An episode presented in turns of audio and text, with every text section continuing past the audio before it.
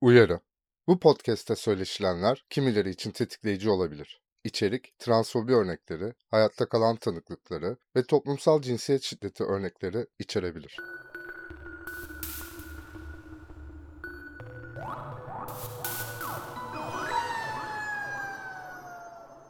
Merhabalar. Neydi belirsizlerin bir bölümüne daha hoş geldiniz. Bir bölümüne daha diyorum çünkü açıkçası hangi sıralamayla yayınlayacağımı hala bilmiyorum. Öte yandan bu program için aldığım 6. kayıt bu. Bugün konuk olarak karşımda Angelik Kelavgil var. Nasılsın Angelik? Hoş geldin. İyiyim bir tanem sen nasılsın hoş buldum. Ben de iyiyim. Keyfim yerinde. Bayağı heyecanlıyım. Bunu- Biz bizdeyiz diye biz bizeyiz ben. ama sabahtan beri fark ediyorsundur. Ekstra heyecanlıyım bu kayıt için gibi bir Aşkım sana yandan da kurban olurum. Başka heyecanlar. Birbirimizi tarif ederek başlayalım istiyorum. Hem de nasıl bir ortamda olduğumuzu da belirtelim biraz. Bu podcast'i nasıl bir ortamda kaydettiğimizi dinleyicilerin canlandırmasını kolaylaştıracaktır. Başlamak ister misin? İsterim. Şu an şeyde böyle tam biricikli birbirimizle kalabildiğimiz bir alandayız. Böyle bayağı yalıtık bir alandayız. Biricik böyle şey bir mavi. Şeker bir mavi. Turkuazlı şekerli puantiyeli, kedicikli, bayağı kedicikli bir eşofman. Hello Kitty'li bir çanta ile karşımda Banu Hakan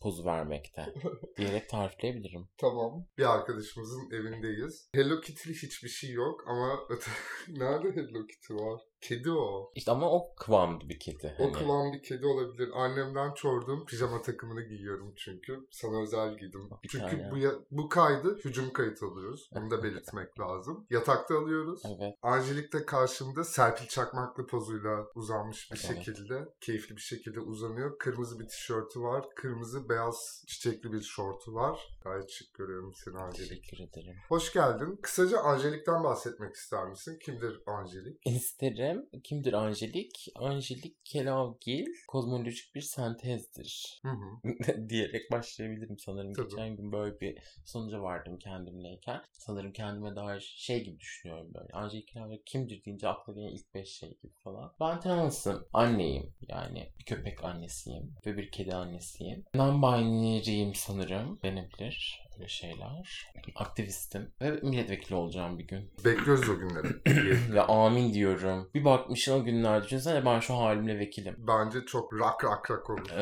O günleri. İple çekiyorum diyeyim o zaman. Ben de iple çekiyorum. Şeyi soracağım neden hücum kayıt alıyoruz? Diğer programların aksine az önce de belirttiğim gibi bunu hücum kayıtlı alıyoruz. Sen bu yönde bir talepe geldin. Yani şöyle çünkü üzerine konuşacağımız şeyi biliyorum az çok. Hani Hı. neden bu podcast'teyiz ve neden ben bu podcast'te seninle sohbet ediyorum bu der bir fikrim var. Orada kalsın istedim çünkü soracağın soruları az çok o fikirden ötürü tahmin edebiliyorum ve o tahmin edebildiğim benim kendi non-binary deneyimim içerisinde diyeyim. O soracağın soruların her birinin evrende bir hissedişi var anladın mı? Hı hı. Yani o hissedişi şey hazırlanamam ki. Onu sorduğundaki hissedişimi anlatmam lazım. Çünkü başka bir zaman başka hissedebilirim. Bütün bu hissedişlerimin tamamını zaten ben kendi non-binary'liğim içerisinde başka acaba kadın mıyım sorusunda sorduğum bir non-binary'lik içerisinde perform ediyorum. O yüzden hücum kayıt yapalım istedim. Çok güzel. Ben de ek- yani daha bir farklı hazırlandım buna. Sorularım hazırdı. Ben gün içerisinde formatımı değiştirmeye çalışıp sorularımı böyle kelime ve kelimenin etrafında hani şu temaya da değinelim gibi şeklinde notlara çevirdim. Ayak uydurmaya çalışıyorum hızına ve gayet eğlenceli oluyor. Peki non-binary demişken kısaca bir non-binary açılma sürecinden de bahsedelim. Mesela öncelikle bu kelimeyle nasıl karşılaştın?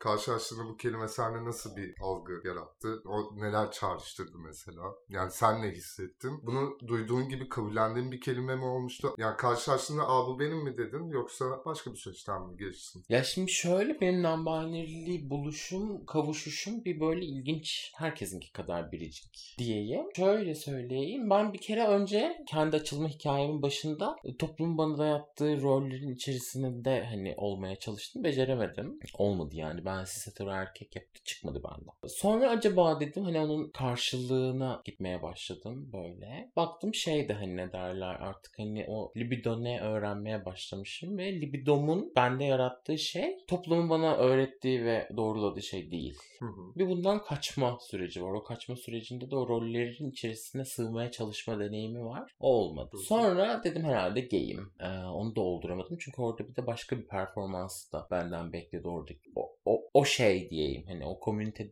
desem haksızlıkça yapmış olabilirim. Ben de o bağlamada tutunamadım diye. Diğer spektrumun diğer şeylerine bakmaya başladım. Orada bir yönelim aydınlanması yaşadım önce. Yönelim aydınlanmasını da şeyden yaşadım yani hani panseksüelim net. İnsanlarla ilişkilenirken tam olarak bunu hissediyorum. Yani orada o insanın hangi cemde saf tuttuğu değil, o insanın varlığı bende bir anlam ve libido artışı meselesine neden oldu. O panseksüel aydınlanma aslında beni non-binary'liğe doğru bir sıçrattı diyeyim sana oldum. Ondan sonracığıma non-binary'likle karşı yani eskiden böyle cinsiyetsiz, cinsiyetsiz falan gibi hani bazı şeyler üzerinden bir şeyler konuşuluyordu evet ama non-binary meselesiyle karşılaşmam. O karşılaşma anında bir falan oldum önce. Çünkü gerçekten kendimi açıklayabildiğim bir alandı burası. Yani o hani ne o bir genel bir neden ararsın bulamazsın ya cevap ararsın. Bu, neydi dersin. O cevabı bulmuş bir şükranla karşıladım diyeyim ama son dönemde onu da onunla da o kapla da bir, tartışma içerisindeyim aslında. Oralara götürdü. Ama bu yol non-binary olmaktan geçti diyebilirim. Kap deyince non-binary'nin bir kabı var mı sence? Non-binary'nin bence bir kabı yok. Hı. Ama non-binary olma halinin içerisinde henüz aydınlanmamış yanlar var. Yani çünkü ben hep şöyle anlatıyorum non-binary'yi bu terimle ilk kez karşılaşan insanlara. Çünkü böyle insanlarla temas ettiğim çok ortam oluyor. Hı hı. işte hani hep şey derler ya diyorum erkekler Mars'tan kadınlar Venüs'ten. Onun dışında kalan tüm evreni non-binary kodlayabiliriz hayatım diye anlatıyorum insanlara ve bu evren kadar bile biliyoruz bence non-binary deneyimleri. Ve ben o evrenin henüz keşfedilmemiş, aydınlanmamış yerlerinde başka bir evrene çok yakın ve ona göz kırpan bir deneyim içerisinde bir şeydeyim. Doğru evrende miyim? Ya da bu iki evrenin karıştığı bir yer var mı? Varsa orası neresi? gibi sorular soruyorum yani. Harika bir böyle çok beğendim bu benzetimi. Yani o açılma sürecine de bir şey ekleyebilirim. Non-binary olarak açılma süreci bitmeyen bir süreç bence. Yani her an farklı bir non-binary deneyim içerisinde kendini açılırken bulabiliyorsun. Kendini açılırken kendini bulabiliyorsun gibi bir durum da var. Kız ay evet öyle şeyler yani. Seni birazcık daha böyle ilk başta konuşmacı gibi hissettirecek bir soruyla geliyorum. Vur. Transfeminizm mi? Se- tabii ki de seninle konuşmak istiyorum. Çünkü transfeminizm üzerine çok fazla hem paneller verdin hem söyleşiler yaptın. Tam olarak Şükür. bunu çok şükür çok iyi özetleyecek yani şu an en iyi özetleyecek insanlardan biri olduğunu düşünüyorum. Amin diyorum buna da. Nedir bu transfeminizm? Nedir bu transfeminizm? In a nutshell. In a nutshell. transfeminizm in a nutshell. Zor oldu ama sanırım transfeminizm in a nutshell deyince aklıma ilk gelen şey biraz öyle hani o şeylerden gideyim. Sanırım o hissedişi aktarmak daha güzel olur. Çünkü hep zaten bir yerlerde hani sen de başta dedin ya biraz o bir şeyde sizin hissi yaratacak. O hissi de kırmış olayım bir yerden. Çünkü transfeminizm nedir sorusunun cevabı var her yerde. Ben nasıl bir hissediş içerisindeyim diye sorayım. Ben kendi deneyimim içerisinde feminizmin öznesi olmak, feminizmin güçlü bir öznesi olma çabası içerisinde olmanın kendisini bana transfeminizm verdi diye düşünüyorum. Hı. Yani transfeminizme dair sorgulamalar, düşünceler, tartışmalar olmasaydı ben sanırım feminizmdeki yerimi bilmeyebilirdim. Feminizmdeki yerimi bilmeme hali ben kadınlık erkeklik ceminde yerimi bilmiyorum. Ben yatakta yerimi bilmiyorum. Ben çoğu zaman haddimi bilmiyorum. Bu kadar bilmemenin içerisinde konu feminizm olduğunda da yine yerimi bilemeyebilirdim. Ve bu beni şey gibi yapabilirdi böyle sararıp solmama neden olabilirdi. Yani yaşama dair bir merak, bir mücadele azmi, böyle bir anda olma ve şeyde olma hali ne derler. Farkında olma halini bana feminizm verdi. Bu feminizme giriş kapım oldu benim transfeminizm. O yüzden. Hı hı. O yüzden bu kadar değerli benim için. Yani birçok feminizmin varlığını kabul etmemi sağladı. Kesişimsellik üzerine düşünmemi çok sağladı. Yani bir insanın kesişimsellik üzerine düşünmesi politik bir şeydir. E, Her şey politiktir evet. Ama bir insanın kendi hayatı içerisindeki o kesişimsellikleri fark etmesi, onun üzerine düşünmesi o insanın kendini kurma sürecinde de çok ciddi bir aslında toolbox oluyor. Yardımcı oluyor bu. Bu toolbox'tan yoksun kalmamamı sağladı diyeyim transfeminizm. Peki transfeminizmi birazcık da şey üzerinden mi açalım? Trans dışlayıcı radikal feminizm diye bir boyutu da var. Ve açıkçası sanırım benim de kendi açımdan da feminizme yaklaşmamı uzunca bir süre engel olan şey beni 8 Mart'ta almayan bir kesimdi. Bu ikisini birleştirerek söyledim çünkü tersinlemesiyle de belki daha iyi tanımlar ortaya çıkar diye düşünüyorum. Nedir trans dışlayıcı radikal feministler ve transfeminizmle kavgaları ne? Yani bilmiyorum dertlerine. Yani açıkçası gerçekten öncelikle şunu bir açıkça söylemek lazım. Ben Twitter'da bagajım o kadar güçlü değil. Ruh halim o kadar bir şey değil. Bir özne olarak oradaki o fobiyle karşı karşıya gelmeye dair güçlü değilim. Anlatabiliyor muyum? Ve sınırlarımı biliyorum. Güçlü olmadığım bir yerde de şey yapmak istemiyorum. Bulunmak istemiyorum. O yüzden sadece turf değil bu arada. İşte militarist, faşist, fobik, e, gerici, yobaz hı. falan. Hani böyle bir kitleyi dediğim gibi yani benim için herhangi bir turf tartışması içerisinde yer alan bir ismin Hilal Kaplan'dan bir farkı yok. O yüzden hani bu bahsettiğim bubble'ın içerisinde gördüğüm herkese her şeyi ister bot hesap olsun, ister bir kullanıcı olsun, ister beş kullanıcı olsun şikayet edip engelliyorum, sessiz alıyorum. Ve kendimce Twitter'da temiz ve erotik bir hava soluyorum. Bu bana iyi geliyor diye insana. Ama şunu söylemeden de edemiyorum. O anlık tartışmaların dışından bir şey söylüyorum. O tartışmaların içerisinde olan herkes iyi ki var yani. Sadece bunu söyleyebilirim. Onların varlığı bir şekilde burada bir transın güçlenmesine neden oluyor ve bu çok önemli bence. Göklerini yerim onların. Neyse. Ee, onlar kendilerini feminizmden dışladılar diyorum ben. Ve onların yaşadığı bu deneyim. Çünkü onlar da bir deneyim yaşadılar. Ve yaşadıkları bu deneyimde çeşitli seçimler yaptılar. Ve yaptıkları seçimler yani bu sürecin kendisi onları feminizmden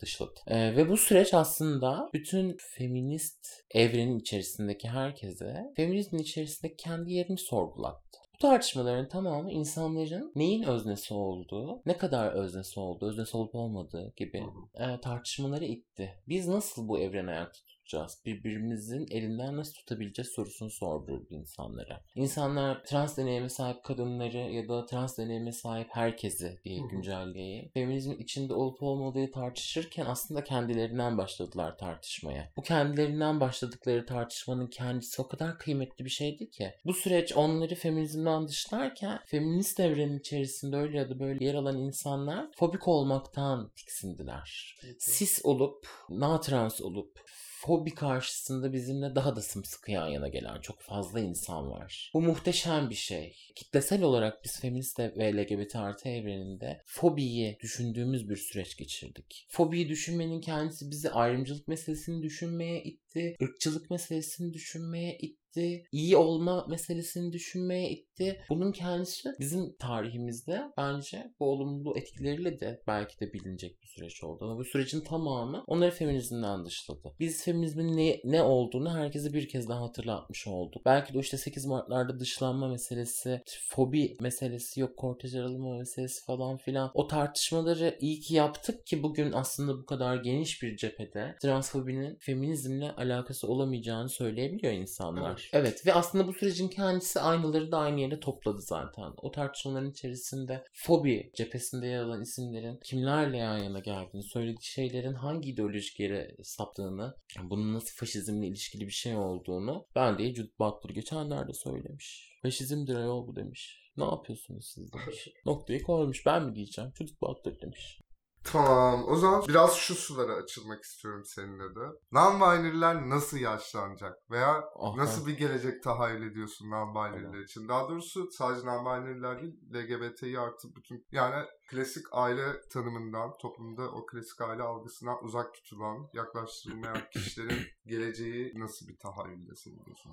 Valla o geleceği tahayyül etmek aslında kendi geleceğimi tahayyül etmekle çok iç içe geçmiş bir şey olduğu için bu geleceği tahayyül ederken çoğu zaman kendi geleceğime dair kurduğum tahayyülleri bir yere oturtturmaya çalışıyorum. Ve bunun 3 aşağı 5 yukarı birlikte sosyalleştiğim, oturup muhabbet ettiğim insanlarda da benzer yanları olduğunu fark etmeye başladığım bir dönemden geçiyorum aslında. Ve ben de aslında bu sorunun cevabını bilmiyorum. Bu sorunun cevabına dair öngörülerim var. Hı hı. O öngörülerim beni birazcık canımı sıkıyor. Ondan dolayı bu öngörülerimin gerçekleşmemesi için çabalıyorum diyebilirim. Çünkü yaşadığımız ülkede ne yazık ki 2021 yılında halen insanlara bazı şeyleri sıfırdan anlatmakla meşgulüz. Ve bu cephe eskiden bilmiyordu neyin ne olduğunu. Artık yani yanlış anlamışlar sanırım her şeyi ya da çok bilinçliler ve örgütlü bir kötülüğü bize musallat etmiş durumdalar. Çok saçma bir, yani akıl almaz, gerçekten çağıyla ilişkisi olmayan mantıksız bir LGBT artı karşıtlığı içerisindeyiz. Bu LGBT artı karşıtlığın içerisindeki mizaha bile gülemiyoruz. O kadar karanlık bir LGBT artı karşıtlığı içerisindeyiz. Ben hangi soru için söylüyordum bunu? Nasıl bir tahayyül, gelecek tahayyülümüz var? Evet. Şimdi bu toplumun içerisinde yaşlanma sürecime ya da işte bir şekilde nereye gidiyorsam 40'lı 50'li 60'lı yaşlarıma dair yaşantımın kaderini ben bu topluma emanet edemem. Bundan çok eminim. En emin olduğum şeylerden birisi bu. İkinci en emin olduğum şeylerden birisi de ben sevdiklerimi bu sürecinde bu topluma emanet edemem.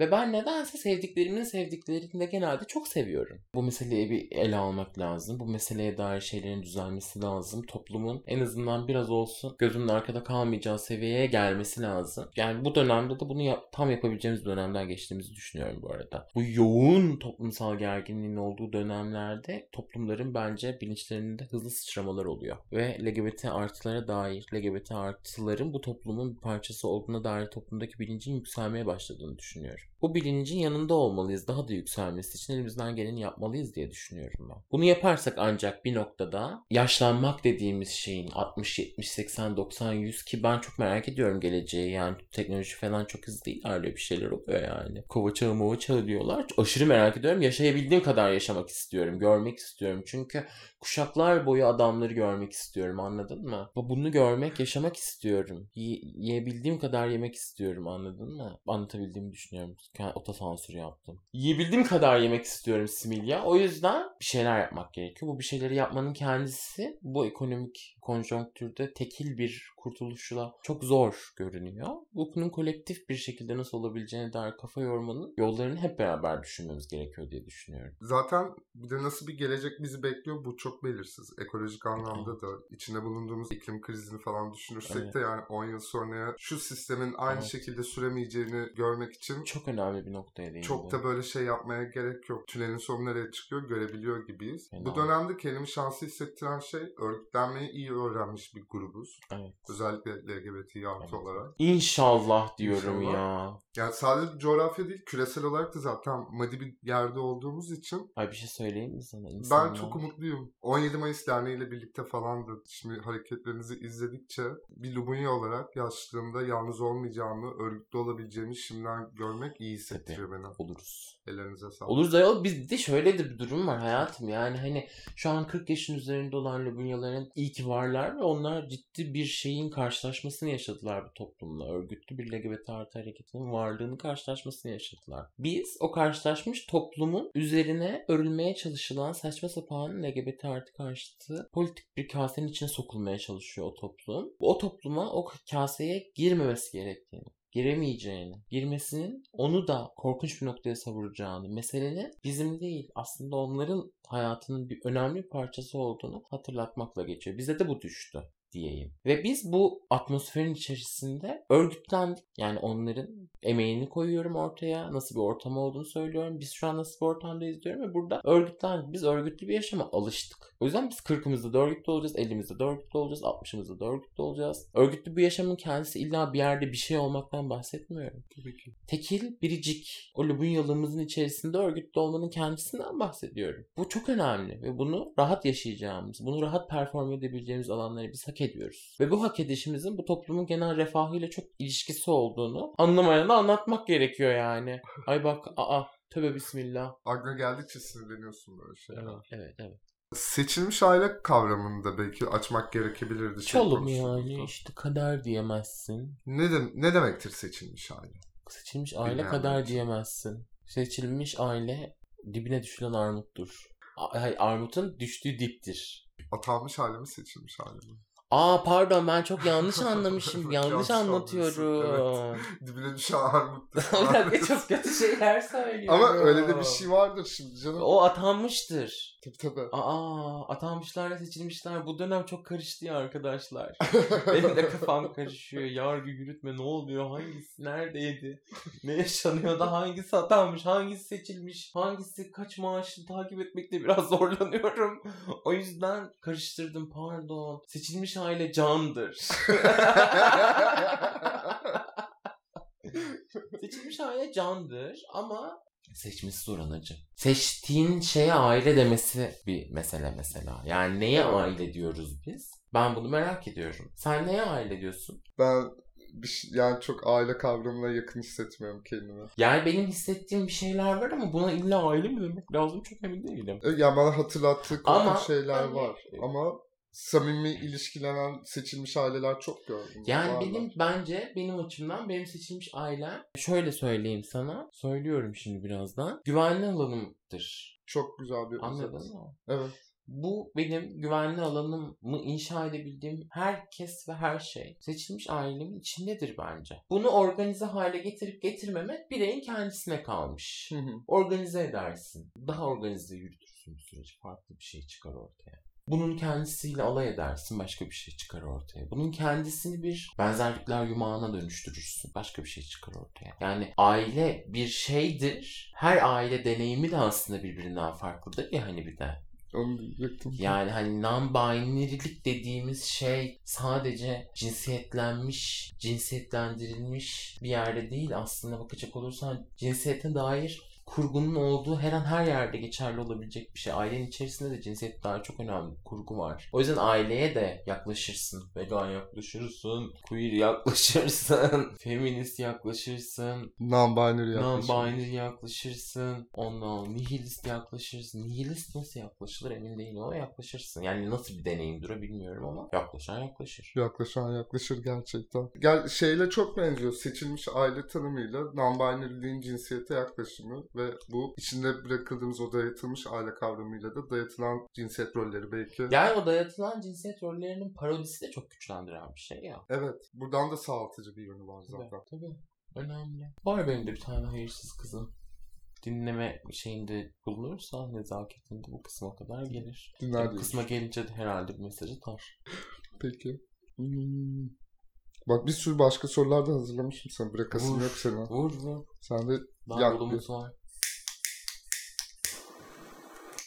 Peki yine toplumun bakış açısından yaklaşırsak. Non-binary'lerden beklenen bir cinsel yönelim veya ilişkilenme metodu böyle bir monopoli veya İşte monopoli bak gibi. Hani şöyle toplumsal Bir şey var mı? meselesi çok sorunlu bir mesele tamam mı? Ben hiç sevmiyorum. Yani şöyle sevmiyorum. Bu meselenin kendisinin içinde mücadele ediyoruz ama hani toplumsal cinsiyet keşke olmasaymış. Her şeyi toplumsallaştırma, tanımlaştırma, bir deneyime, genelleşmiş bir deneyimi, üç aşağı beş yukarı birbirine benzeyen bir motife, bir koda anladın Hı hı. mı? Bir noktaya hapsetme eğilimi, refleksi toplumsal cinsiyet meselesiyle çok ilişkili bence Hı, İçkin. içkin, ötre. Şimdi durumun kendisi böyle olduğu için haliyle insanlar kesişimsel düşünemeyebiliyorlar. Hı hı. Bu refleksten, bu toplumsal bellekten ötürü. Kesişimsel düşünmeye başladığında insan her deneyimin ne kadar biricik olduğunu görmeye başlıyor. Sadece kendi deneyimi içerisindeki biriciklikler değil, başka deneyimler içerisindeki biriciklikleri de görüyor. Dünyayı algılayışıyla alakalı cinselliği, cinsiyeti, ne bileyim para yönetimini, hayatı, çocuklarıyla ilişkisini, her şeyi bu kesişimsellik içerisinde ele alabiliyor. Şimdi bunun kendisi iki sabit birey arasındaki ilişkilenmeyi de bir sürü deneyimin içerisine hapsediyor. Şimdi her deneyim de biricik diyor. Evet. Hal böyle olunca bu toplumun, bu heteronormatif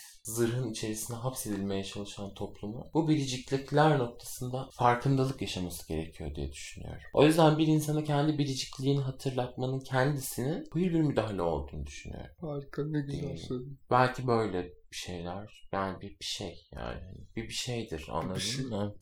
O zaman son soruya geliyorum. Tamam. müsaadenle. Bu soruyu bütün misafirlerime ortak olarak soruyorum. Tamam. Sence feminenlik nedir, maskülenlik nedir? Yani yani ben nereden bileyim feminenliğin ne olduğunu? Aşkım ben bilmem.